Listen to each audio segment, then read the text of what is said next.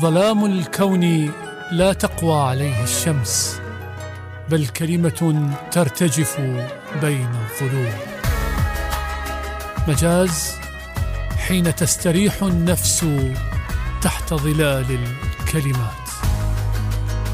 مجاز بستان الأدب وحديقة اللغة. مجاز مع علي محمود خضير.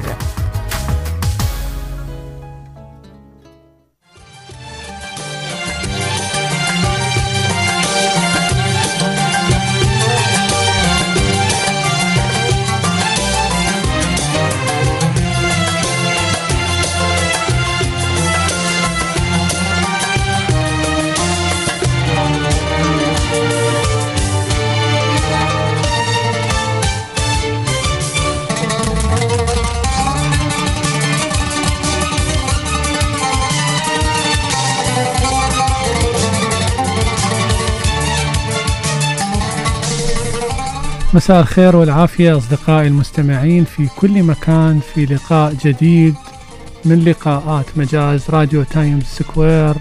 أهلا بكم معنا.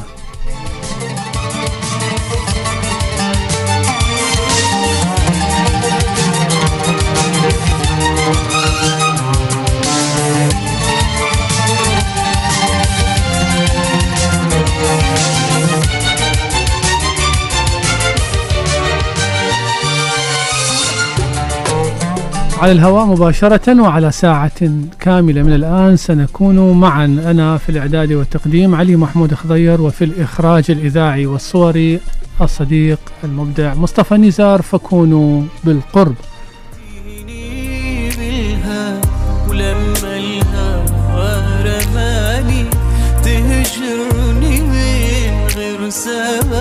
وتقول لي لو تنساني وانسى الهنا. كيف أنا يا عزي خلاني تجرحني يا العجب وانت اليوم دواء دواء تفارق بالهوى قلبي وهو عيني ما يدري وتنسى بالنوى حبي وحبك فرحتي وعمري وعينك لو تجي بعيني أداري دمعتي ما تدري كل الهلا بكم أصدقائي من جديد حلقة من حلقات مجاز. اليوم راح نتناول أكثر من موضوعات ثقافية وأدبية وجديد الكتب بالإضافة إلى الأحداث الثقافية التي مرت في العالم العربي أو العالم بشكل عام. سنتحدث عن آه، آه، اليوم العالمي للشعر سنتحدث عن آه، رحيل أو غياب نوال السعداوي. سنتحدث عن قضية آه، تحرير الفكر في المجتمع العربي وأيضا آه، موضوع هامة تتعلق بإمكانية مرونة مرونة تغيير الأفكار وأثرها في حياة ال- الفرد. تغيير الأفكار ومسألة التجرؤ على الحلم والنجاح. بين هذه الفقرات ستكون هناك إطلالة مميزة لشعراء اختاريناها لكم قراءات صوتية لشعراء بمناسبة اليوم العالمي للشعر. سيقرأ محمد مهدي الجواهري وبدر شكر السياب وأدونيس ونزار قباني وأمل دنقل وآخرين حسب ما يسمح به الوقت فكونوا معنا أحبتي ننطلق سوية. حبيبي.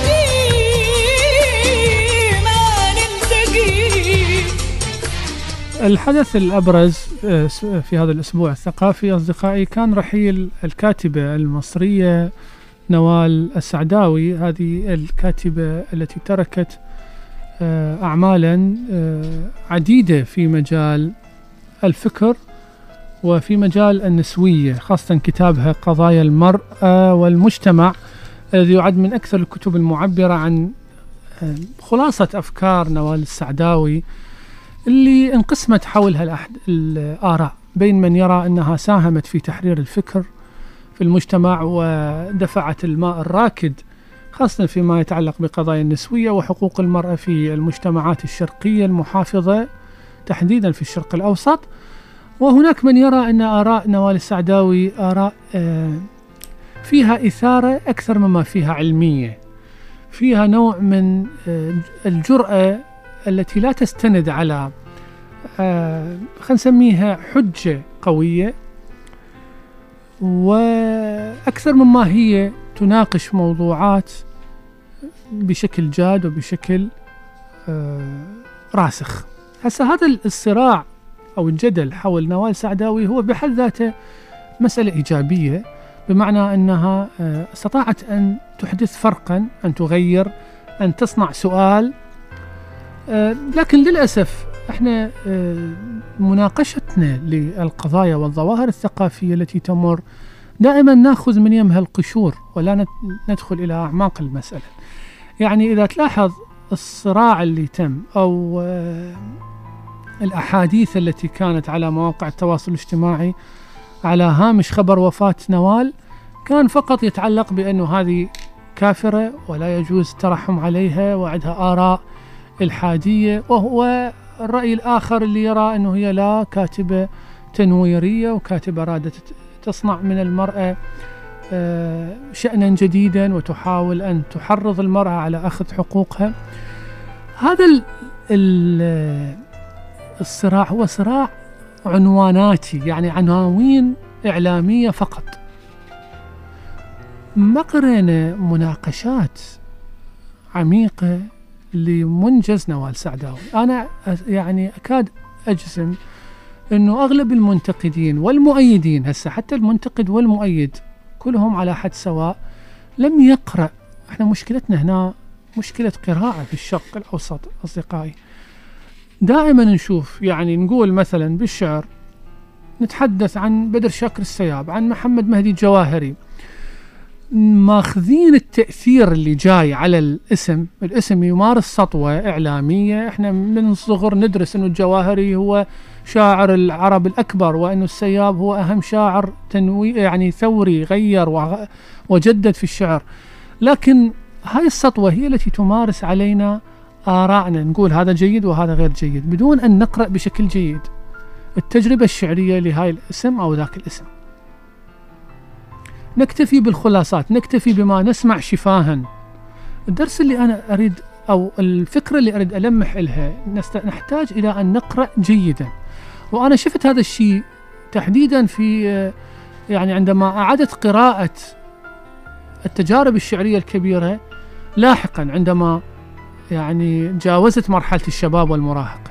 إحنا بالمراهقة نقرأ محمد مح آه مهدي الجواهري أو محمود درويش أو أحمد مطر شي لكن وراء ال 35 وراء ال 45 وراء ال 50 تختلف آرائنا لأن الخبرة والتراكم يضيف نوع من النضج الذي يستطيع نستطيع فيه أن نميز التجربة وأن نضعها على محك. هذا المطلوب في قضية نوال السعداوي أكثر مما أنه هي هل هي كافرة أو هل هي ضد الإسلام أو هل هي جيدة؟ آه، وأشرح ليه. يعني وساعات أقول نوال زينب السيد السعداوي ساعات أقول نوال السعداوي يتوقف. على حسب. إمتى بتحسي إنك ضروري تقولي اسم والدتك؟ إمتى بتحسي إنك لازم تتنسبي ليها فتقولي اسمها؟ لما آه، ألاقي الناس ما بيحترموش الأم. في المجتمعات اللي الأم غير محترمة آه، في المجتمعات اللي يغنوا للأم في الراديو بس يغنوا لها في الراديو. لكن في الحقيقة لا حقوق للأمهات. فأصر كنوع من التحدي. أقوم أقول أنا بحمل اسم أمي. مين المجتمع اللي ما بيحترمش الأم؟ مجتمعات كتير قوي على فكرة. مين؟ آه، آه، في الشرق والغرب. مش عاوزه أقول المجتمعات العربية بس. أنا سافرت العالم. الصين. اليابان. لا يحترمون الاسم الأم. آه، حتى في أمريكا. آه، الاسم الشيء هذه جزء بسيط. هسه هذه ثواني لنوال السعداوي. أنا أعتقد أنه قيمة نوال السعداوي هنا في إثارة ال- الأسئلة حول المسلمات. أنا أتفق حقيقة فيما ذهبت إليه في هذا المقطع البسيط. تقول إحنا مجتمعاتنا فقط يغنون للامهات بالراديو. نعم أنت تشوف هسه إحنا فات قبل أيام علينا يوم العيد الأم. يا إلهي. يعني الفيسبوك والتويتر والانستغرام وهسه الكلاب هاوس والتلفزيون. يكاد ينفجر بعبارات التهنئة والتقديس واللي أمه حية واللي أمه ميتة. لكن تجي أنت على أرض الواقع تسأل سؤال تقول هل بالفعل في سلوكنا اليومي الاعتيادي الأم تعامل معاملة جيدة أو على الأقل مكرمة؟ أنا أعتقد أنه الجواب لن يكون صحيح أو لن يكون نعم. الأمهات في أغلب الحالات آه، وحيدات. الرجل يطلع ال- البنات ملتهيات لو بالدراسة لو بالشغل لو بصديقاتها لو بنفسها الأولاد كذلك. والأم آه، تكابد بين المطبخ وبين ال- الغرف وبين الغسيل وبين الأمراض المزمنة اللي تعاني منها. ومتحولة إلى شعار مثل مثلها مثل كثير من ال- الكانتونات ال- العناوين الكبيرة. ولهذا إحنا كل شيء بحياتنا صاير موسمي. يعني يعني آه الاهتمام بالعبادة موسمي الاهتمام بالثقافة موسمي الاهتمام بالعائلة موسمي الاهتمام بالترفيه أيضا موسمي. تشوف أكو ناس ما يطلع إلا وقت العيد. يودي أولاده إلى مدينة الألعاب أو يوديهم سفرة أو هذه. موسم. آه كذلك الثقافة. إلا يجي يوم الجمعة يلا نروح للفراهيدي. وهم نروح الفراهيدي حتى ناخذ صورة يعني مو بس نروح حتى نشتري كتاب. أسأل دائما هذول الباعه أقول له البيع جيد؟ يقول لي لا غير جيد. يابا الشارع م- ممتلئ ما لك مكان. يقول لا الأستاذ يجون يصورون ويرحون. اللي يشتري قليل. هذه يعني الظواهر المسلمة إخواني علينا أن نحفر تحتها ونفكر فيها ونحاسب ذواتنا بشكل جدي. أكثر مما أنه والله هذه مسلمة لو متدينة لو كافرة هذه مو مهم. المهم السؤال الذي تطرحه هل هو سؤال حقيقي؟ هل هو يستحق النقاش؟ هو هذا بدون فكرة الدين آه، الدين هو نفسه يقول من شاء ليؤمن ومن شاء ليكفر الأهم من ذلك آه، الفكرة التي يحملها الشخص أيا كان هذا الشخص. إذا أحبتي آه، هذا كان حدث الأسبوع لهذا اليوم.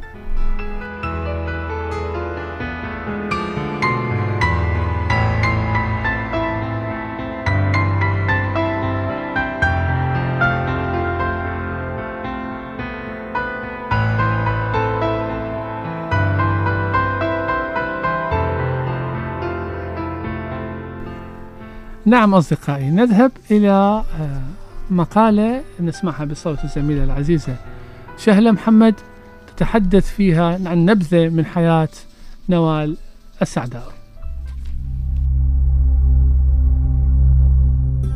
رأى البعض أنها ساهمت في تحرير الفكر في المجتمع وأنها دفعت الماء الراكد في الكثير من القضايا النسوية. بينما يرى آخرون أن أفكارها وآراءها تفتقد للمنطق والحجة القوية كما أنها ليست قريبة من الناس ولا تؤثر فيهم.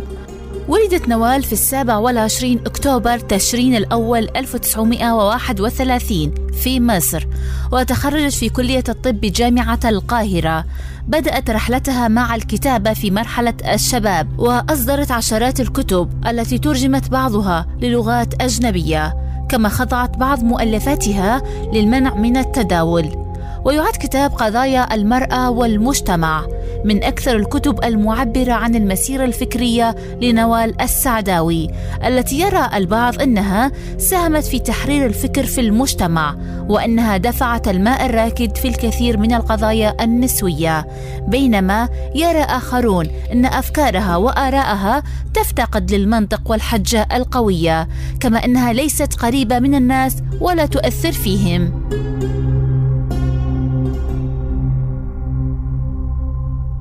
قالت الكاتبة والروائية نوال السعداوي في كتابها إن استقلال المرأة نفسها وخروجها للعمل هو السبيل الوحيد لتحرير النساء في المجتمع الذكوري. ورأت أن المجتمع يتعمد تجاهل وإقصاء دور المرأة وتأثيرها في تاريخ الأمة أجمع لكونها امرأة.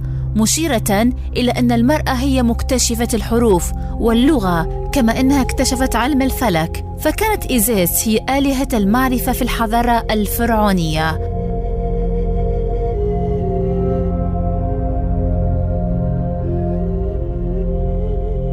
عبرت السعداوي عن قناعتها باعتبار أن الشرف ينبع من العقل والفكر ولا علاقة له بعذرية المرأة كما هو متعارف عليه في المجتمع. مؤكدة أن زمن عبودية المرأة لمجرد الجسد فقط أدى لإلصاق المرأة بالجنس.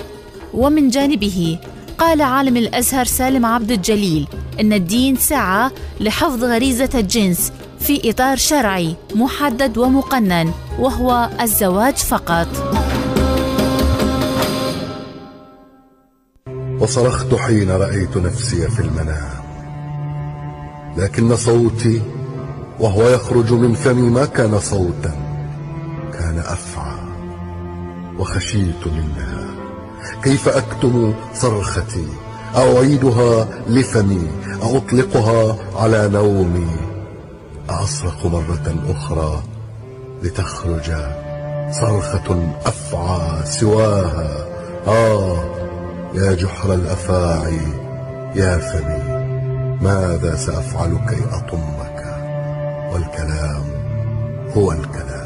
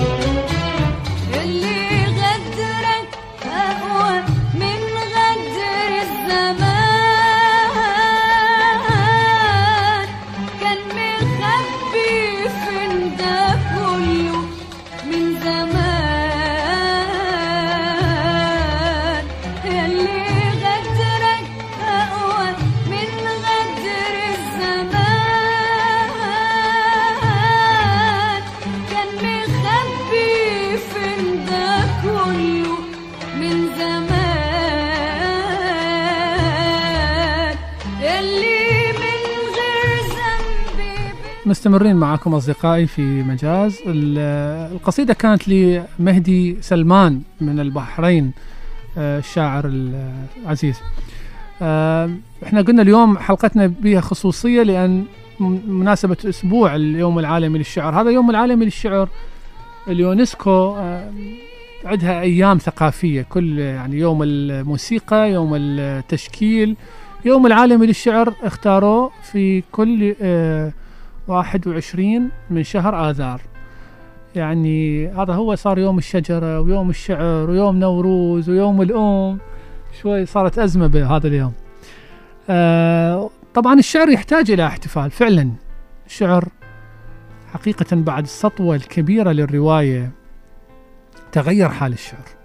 كان الشعر في الأربعينات والخمسينات هو المهيمن على المشهد الثقافي. ملك متوج يعني كان الجواهري أتذكر مرة من المرات حضرت لقاء لبعض يعني المعاصرين للجواهري يقول في اليوم اللي يكتب بيه الجواهري قصيدة جديدة. يقولون يابا باكر إعلان بالجريده ينزل. باكر قصيدة جديدة للجواهري. يقول صدقوني في اليوم التالي تخلص الجريدة خلال ساعة أو ساعتين. يعني تروح للضحى ما تلقى الجريدة. الصبح لازم تطلع تشتري الجريدة مالتك اللي لأن هي هي كانت فيسبوك ذاك الزمان الجريدة. الناس كلها تشتري جريدة. فالجريدة تخلص الساعة بثلاثة مثلا العصر. لكن اليوم اللي تنزل به قصيدة للجواهر الساعة ب 11 ماكو يعني. سرى يقول هذا. سرى نوقف سرى حتى عبالك يعني ما أعرف وهي قصيدة. هكذا كانت مكانة الشاعر والشعر وانظروا اليوم إلى أين وصلنا. وطبعا أنت من تحت تسأل تقول له ليش؟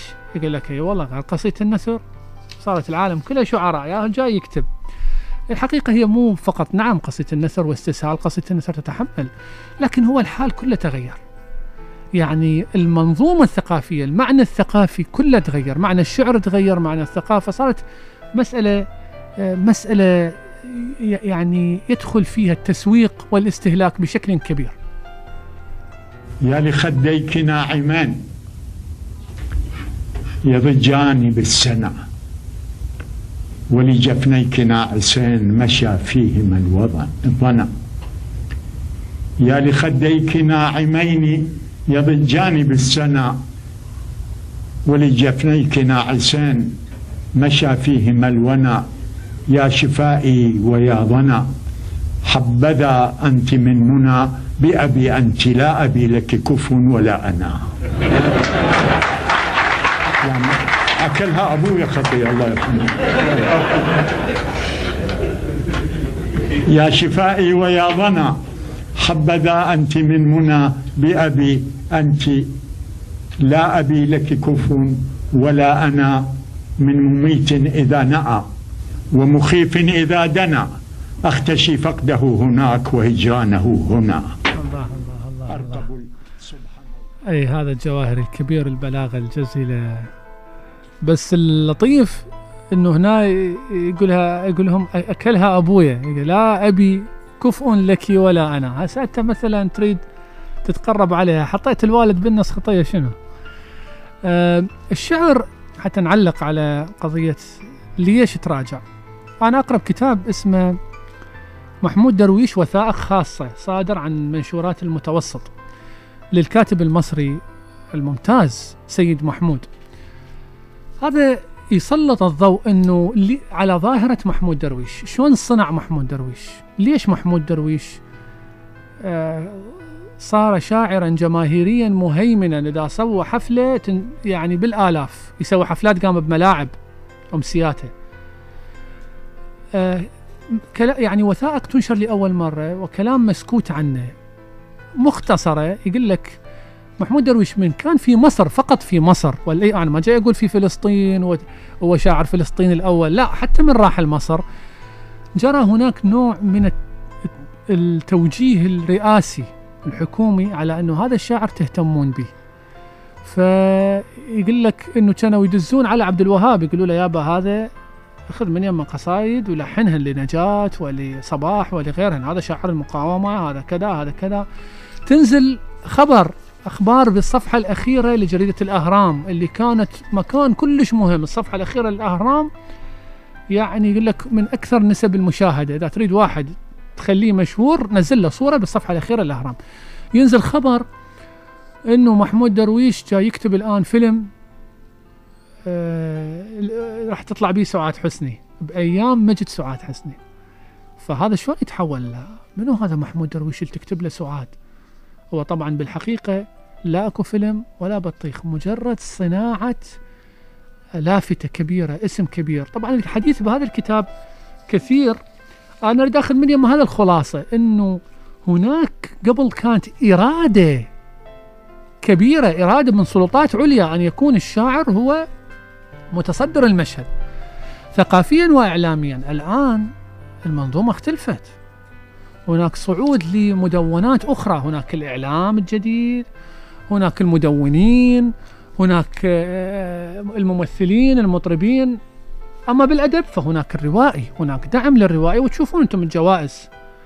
يعني الجوائز اللي تخصص إلى الرواية تعطينا تصور على أن الرواية يراد لها أن تكون في المقدمة. أنا سمارد يعني أحكي هذا الكلام وكأنه انه أنا أريد أدافع عن الشعر لكن هذه حقائق وممكن لأي متص... يعني متابع حصيف ان يلمسها آه راح نحكي ورا فاصل عن كتاب عن قصيدة النثر بما أنه ذكرناها.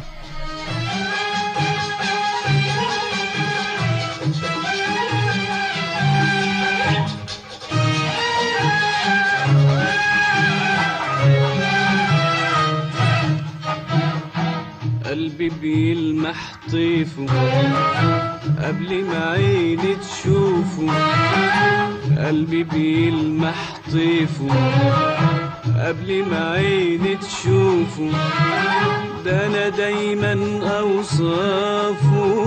بتخيل في عينيا ساعة لما بيظهر. وطريقه بينور. ساعة لما بيظهر وطريقه بينور. مش ممكن أتصور ابدا غيره يأثر فيا غيره غيره يأثر فيا.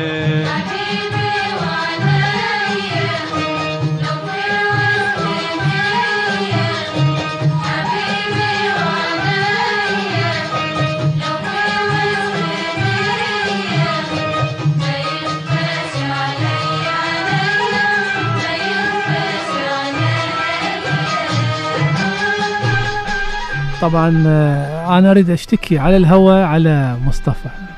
يعني أنا إيش قد ما هسه أنا عندي قلت قبل الفاصل قلت راح أحكي على آه، قصيدة النثر.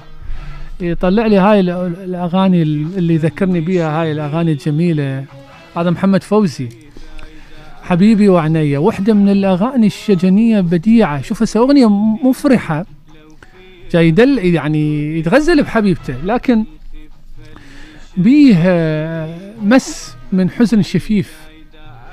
آه، ومحمد فوزي كبير يعني بألحانة وبالمدرسة الخاصة اللي سواها في في ظل عمالقة مثل فريد الأطرش وعبد الوهاب.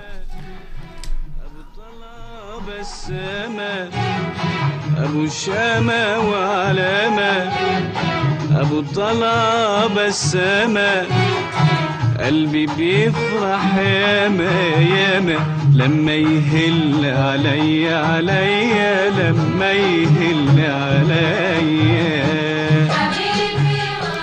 هذه ش- اكو واحد يشتكون عليه من الظلم هاي شكوى من الجمال يعني. آه، إخواني دائما هناك حديث عن قصيدة النثر. القراء اللي يقرون الشعر الجد- الجديد ما يعني ما عندهم علاقة جيدة بقصيدة النثر يقول لك إحنا ما نفتهمها هاي. يعني إحنا نفتهم الشعر على إنه كلام موزون مقفى. وحدة إيقاعية موسيقية تفعيلات متعددة. يلا ما يخالف في قصيدة التفعيلة. بحور بالنسبة للعشق العمود. لكن قصيدة النثر شنو يعني؟ شو هذا كلام لا بوزن لا بقافية كلام مصفط. مو هيك يعني دائما يقولون أعداء يعني قصيدة النثر أو المعادين. نعم. أي شيء أنت تجهل آه الضوابط مالته ممكن ببساطة أن آه لا تستطيع أن تفهمه أو تتفاعل معه. من حقك كقارئ. لكن آه، قصيدة النثر هي جنس أدبي ومستقل فيها ضوابط إخواني. وحتى نتعلم على ونعرف الضوابط ونتعرف عليها وبذاك الوقت ورا ما نقراها نستطيع أن نقرر أنه إحنا تعجبنا هاي أو ما تعجبنا. هناك كتب كثيرة باللغة الإنجليزية تتكلم عن قوانين وضوابط وأنواع وأنماط قصيدة النثر. أنماط هناك أكثر من خمسين نمط لقصيدة النثر. أنا حتى يعني لا يكون كلامنا مجرد آه، شع يعني كلام جاف جامد بدون تطبيقات هذا الكتاب جايب لكم إياه. كتاب مقدمة لقصيدة النثر انماط ونماذج. تحرير براين كليمنس وجيمي دونام. هذا كتاب غاية في الأهمية أخواني. صدر عن الهيئة العامة للكتاب في مصر. وترجمة المترجم الرائع الراحل محمد عيد إبراهيم. هذا تخيلوا مترجم مت- بحياته ترجم 70 كتاب. شنو من مترجم هذا؟ هذا يمكن حتى أهله ما شبعانين منه شوف. آه هذا الكتاب إخواني كلش مهم للي يريد يفهم شوية عن قصة النثر. شنو يابا قوانينها؟ شنو ضوابطها؟ شو وقت انطلقت؟ منو أول واحد كتب بيها؟ تاريخها؟ فهو موجود طبعا موجود في مكتبات البصرة أنا شايفه وأيضا موجود على النت. ف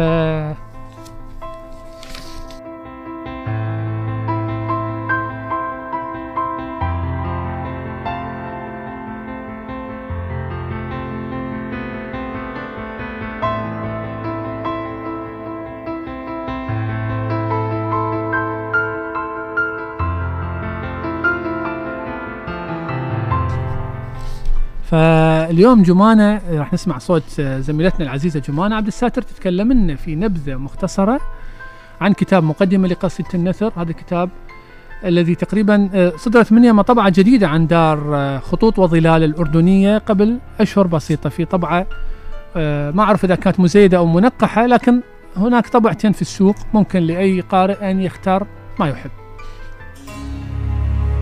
يتحدث كتاب مقدمة لقصيدة النثر أنماط ونماذج تحرير بريان كليمز وجيمي دونم ترجمة محمد عيد إبراهيم عن أن قصيدة النثر بدأت من أوائل القرن التاسع عشر ولا تزال حتى الآن تواصل تطورها من شاعر إلى شاعر ومن عقد إلى عقد ومن نظرية إلى أخرى. ويؤكد المحرران في الكتاب الصادر حديثا عن الهيئة المصرية العامة للكتاب أنه في العام 1842 طبع أول ديوان قصيدة نثر وعنوانه غاسبر الليل بتوقيع ألويزيوس برتران الذي تأثر به بولدير ثم رامبو وغيرهما.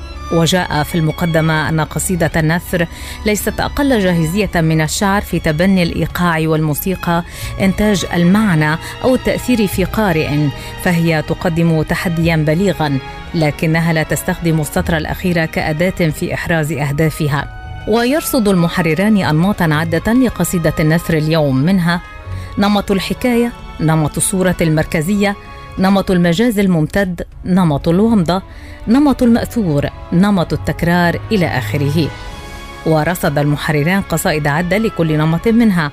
ونجد في الكتاب قصائد للشعراء بابلو نيرودا كينيث كوخ نين أندروز ماكسين شيرنيف روبرت بلاي بوب هيمن جو برنارد راسل أديسون وميم ماروين وغيرهم. أما الشاعر العربي الوحيد المذكور في الكتاب بقصيدة فهو أمجد ناصر.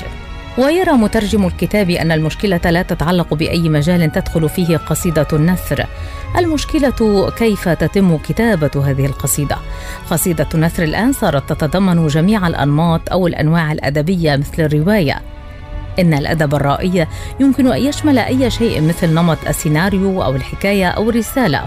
ومن يطالع هذا الكتاب سوف يجد جميع هذه الأنماط. أتمنى يحدث الكتاب صدى واسعا سواء بالرفض أو الإيجاب فهو كتاب مهم بالنهاية ولا بد أن يطلع عليه الشعراء.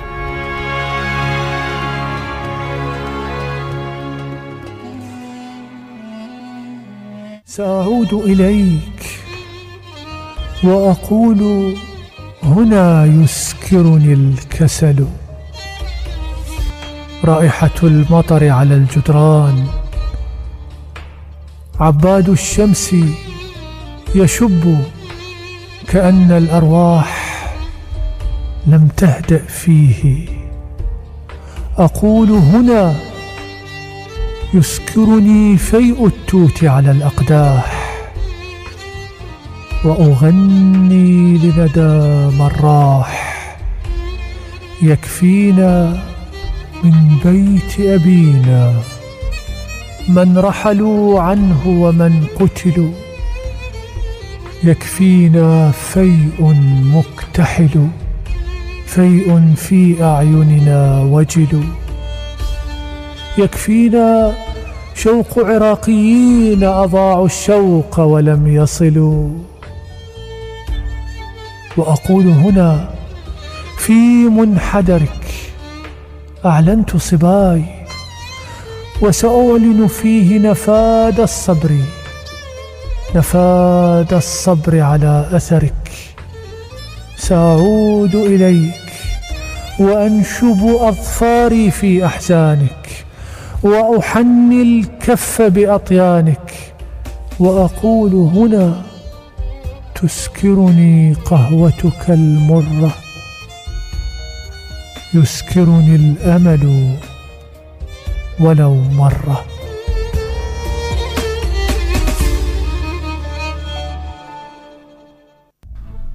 رحمة الله على أستاذنا آه، فوزي كريم. حقيقة في يوم الشعر يعني قلت أنه آه، أس- أستذكر نستذكر روحه.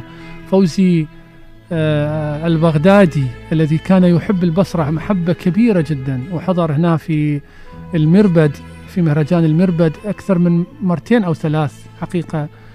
وكان مستمتع جدا ومنسجم في في أجواء المدينة. وكان يح- يحب أكلة السمك المسقوف. وقال قال أريد أزور السوق هذا سوق البصرة. أخذناه والله إيه أنا أستاذ هيثم عيسى إذا يسمع إذا يسمعنا آه، في سيارته أخذه إلى سوق البصرة. وراح اتفرج على الناس وشون يعني شلون عمليات البيع والشراء. كان هو حقيقة في اندماج مع الحياة ويحب ياخذ من الحياة صور قصايده. ولهذا تشوفون هاي القصيدة آه، بديعة بصورها بموسيقاها الداخلية الرائعة وبلمستها المحلية. أنا دائما أقول يعني فوزي وصل إلى العالمية. خب قصائده تترجم إلى الفرنسية والإنجليزية والسويدية وي- ويدرس في الخارج. وصل بمن وصل؟ وصل بهذه المحلية بقصائده العراقية التي نقلت الموروث والتراث والحكاية والأسواق. والناس شلون تعيش هنا؟ آه، بصدق عالي وبحرفنة آه، أدواتية شعرية عالية.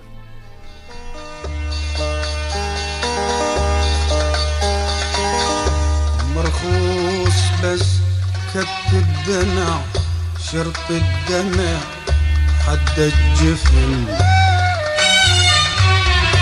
مرخوص بس كت الدمع شرط الدمع حد الجفن. جفنك جنح فراش غض وحجارة جفني وما غمض. جفنك جنح فراش غض وحجاره جفني وما غمض يلتمشي بيا ويا النبض روح على روحك تمسحن حن. وأنا حن.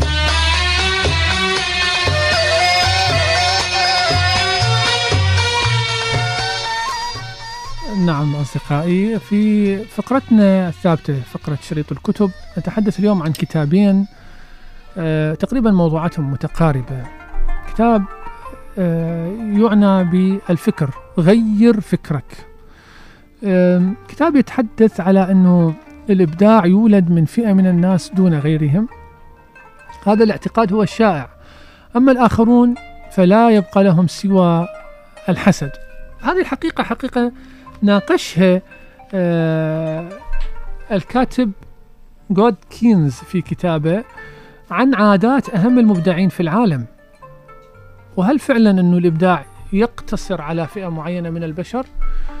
آه هناك أيضا كتاب يتحدث عنه آه نتحدث عن الجرأة على النجاح. النجاح قرار نتخذه. النجاح ليس يرتبط بالحظ ويرتبط بالأقدار ويرتبط بالظروف. نعم جزء منها لعبة حظ والحظ مطلوب لكن من غير أن أنك تقرر أن تنجح وبالتالي تعمل على توفير أسباب النجاح لا يمكن لك أن تنجح. نسمع زميلتنا لبنى الفضل في تقرير عن هذين الكتابين الذين صدرا مؤخرا ونعود في مجاز. خليكم ويانا. كتاب غير فكرك. 57 طريقة لإطلاق إبداعك. من الشائع الاعتقاد أن الإبداع يولد مع فئة من الناس دون غيرهم. أما الآخرون فلا يبقى لهم سوى الحسد. ولكن الحقيقة أن أكثر المبدعين ليسوا سوى أناس عاديين يميزهم عن غيرهم إيمانهم بأنفسهم. تلك مهارة يمكن لأيا كان اكتسابها. في كتابه غير فكرك يكشف لنا رود جودكنز عن 57 عادة من عادات أهم المبدعين في العالم من فرقة البيتلز الموسيقية إلى أينشتاين. ومن تشارلز ديكنز إلى داميان هيرست سنتعلم كيف نطلق إبداعاتنا الكامنة داخلنا. نطالع في شذرات الحكمة هذه عن أهمية التركيز ولماذا لا ينبغي أبدا انتظار الإلهام؟ وكيف نستطيع دائما أن نحول الفشل إلى نجاح؟ فإذا كنت تحاول الشروع بعملك الخاص أو تريد كتابة مقطوعة موسيقية أو كنت تبحث عن أفكار جديدة في عملك أو ربما تريد تغيير طريقة رؤيتك للعالم فإن كتاب غير فكرك هو ما تحتاجه.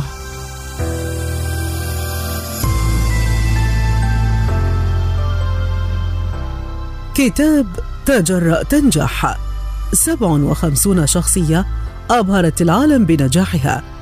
لا أحد منا يرغب في تجربة الفشل لكن هذا الكتاب يشرح لنا كيف أن الأخطاء يمكنها أن تفضي إلى نجاحات كبيرة. نقرأ في هذا الكتاب دروسا من واقع الحياة اكتسبها مشاهير ممن هم اليوم من بين الأكثر موهبة ونجاحا في العالم. من ستيف جوبز إلى بيونسي وسايمون كاول وستيفن هوكينج وأينشتاين. وغيرهم قصص مكتوبة بأسلوب ممتع وقوي ستلهمنا كيفية التعلم من أخطائنا.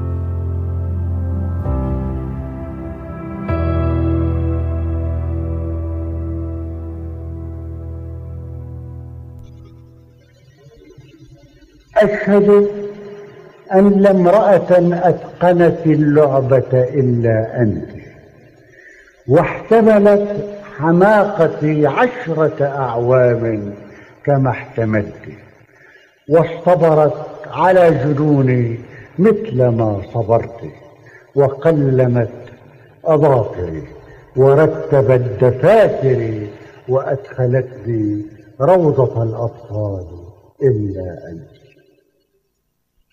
أشهد أن امرأة تشبهني كصورة زيتية في الفكر والسلوك إلا أنت والعقل والجنون إلا أنت والملل السريع والتعلق السريع إلا أنت. أشهد أن لا امرأة قد أخذت من اهتمامي نصف ما أخذت واستعمرتني مثل ما فعلت وحررتني مثل ما فعلت. أشهد أن امرأة تعاملت معي كطفل عمره شهران إلا أنت. وقدمت لي لبن العصفور والأزهار والألعاب إلا أنت. ودللتني مثل ما فعلت وأفسدتني مثل ما فعلت. أشهد أن امرأة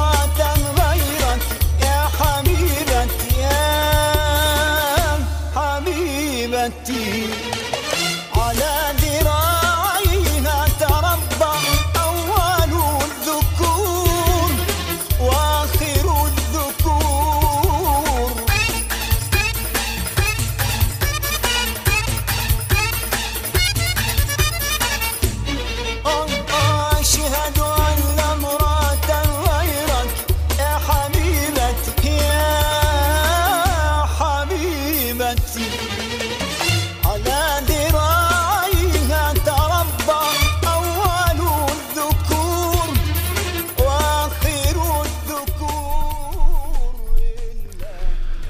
آه، بالحديث على نزار نزار يعني أخذ الشعر خاصة في القرن العشرين إلى منطقة شعبية آه، أقرب ما تكون هي المنطقة الجماهيرية.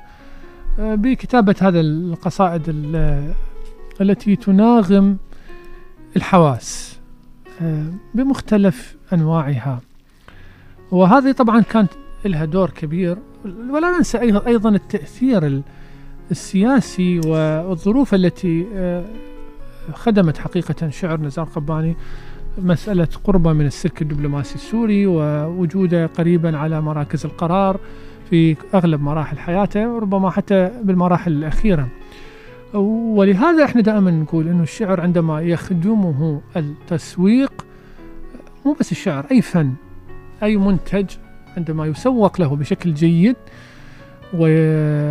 وبالتاكيد سيحقق نجاح. تبقى مسألة استمرارية النجاح هذه تتعلق بأصالة الفن المقدم. بمعنى أن التسويق ممكن أن يخدمك انيا يخدمك هسه لكن أنت إذا ما مقدم فن أصيل ما ممكن أن يستمر شعرك. إذا ما أكو جينات أو طاقة كامنة في الكتابة التي تكتبها ممكن أن تقاوم الزمن لأن هذا التسويق راح يبقى إلى فترة زمنية بعدين يصير اكسباير إذا رفعوا منك الحصانة التسويقية يبقى المحك الحقيقي هو قراءة القارئ وقوة الشعر اللي مكتوب وبالتالي هنا آه، ال- ال- الميزان الحقيقي. وياما سقطوا في في هذا الغربال شعراء كثيرين حقيقة ما أن انتهت حيواتهم وتوقف وهج الإعلام عنهم حتى تضاءلت واضمحلت تجاربهم وحضورهم على المشهد الشعري أو الثقافي بشكل عام. حاضنا سنبلة الوقت ورأسي برج نار ما الدم الضارب في الرمل وما هذا الأفول؟ قل لنا يا لهب الحاضر ماذا سنقول؟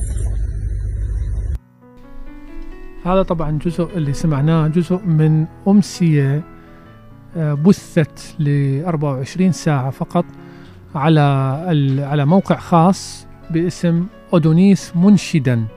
حقيقة من إخراج نينار إسبر الفنانة السورية ابنة الشاعر أودونيس.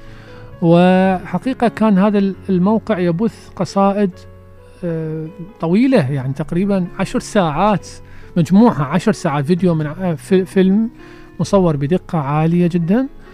وكان هذا من ضمن احتفاء نينار إسبر بجمالية اللغة العربية. يعني هي طرحت نظرية قالت آه، فكرة إنه راح نخلي اودونيس يتكلم يق- يقرأ أو ينشد الشعر من دون موسيقى لأن الشعر هو بحد ذاته فيه موسيقى وفيه من القيمة الجمالية ما يجعله أن يقدم وحده بدون ما يلون بمناظر أو صور أو لقطات أو موسيقى وهي فكرة جديرة بالتأمل والبحث والاختبار.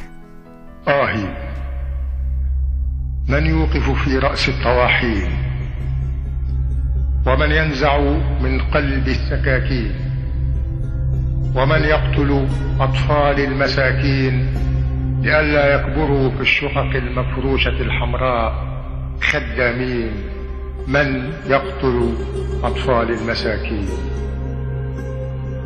آهي من يوقف في رأس الطواحين ومن ينزع من قلب السكاكين ومن يقتل أطفال المساكين لئلا يكبروا يكبروا في الشقق المفروشة الحمراء خدامين.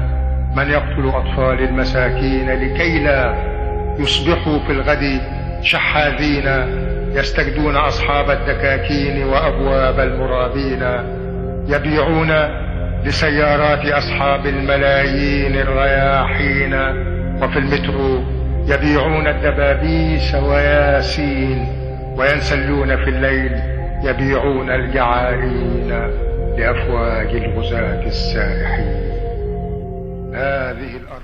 نعم هذه كانت آه، صوت آه، ملف صوتي للشاعر المصري أمل دنقل. هذا الشاعر الذي أيضا يمثل جزء من التجربة ال- الشعر المصري خاصة في الجيل السبعيني آه، ورحيل ال- الباكر أو المبكر كان حقيقة فاجعة كبيرة. أمل منطقته معروفة مثل ما سمعنا لأي قارئ شعر ممكن أن يميزها ببساطة. آه، يبقى مسألة يعني إحنا الوقت يمكن أدركنا. خلينا نختم بأبي غيلان.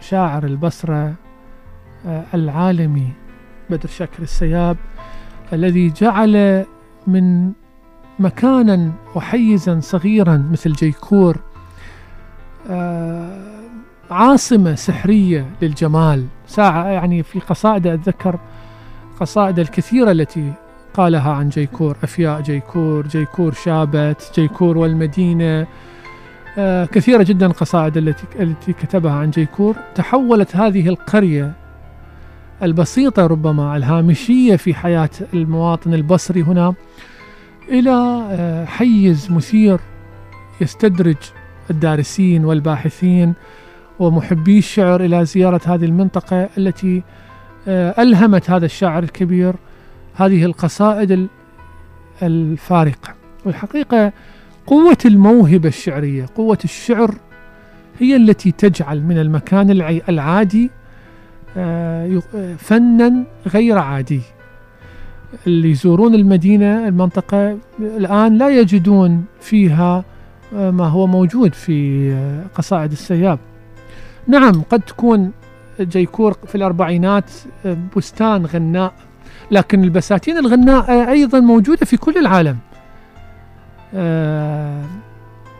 بقت قوة الشعر هي التي جعلت جيكور بهذه القيمة الجمالية التي آه، في شعره. وأنا أحب أنه أقترح للقراء والمستمعين الكرام اللي يسمعوني في كل مكان أن يقرأوا للسياب قصيدة أفياء جيكور ويشوفون آه، راح يعرفون شنو أقصد.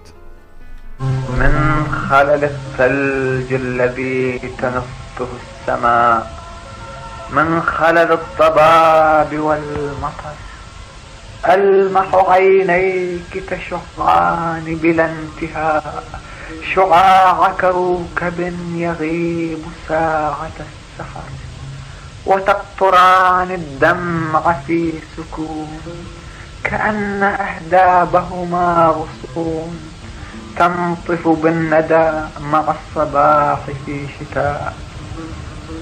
من خلل الدخان والمداخن الضخام.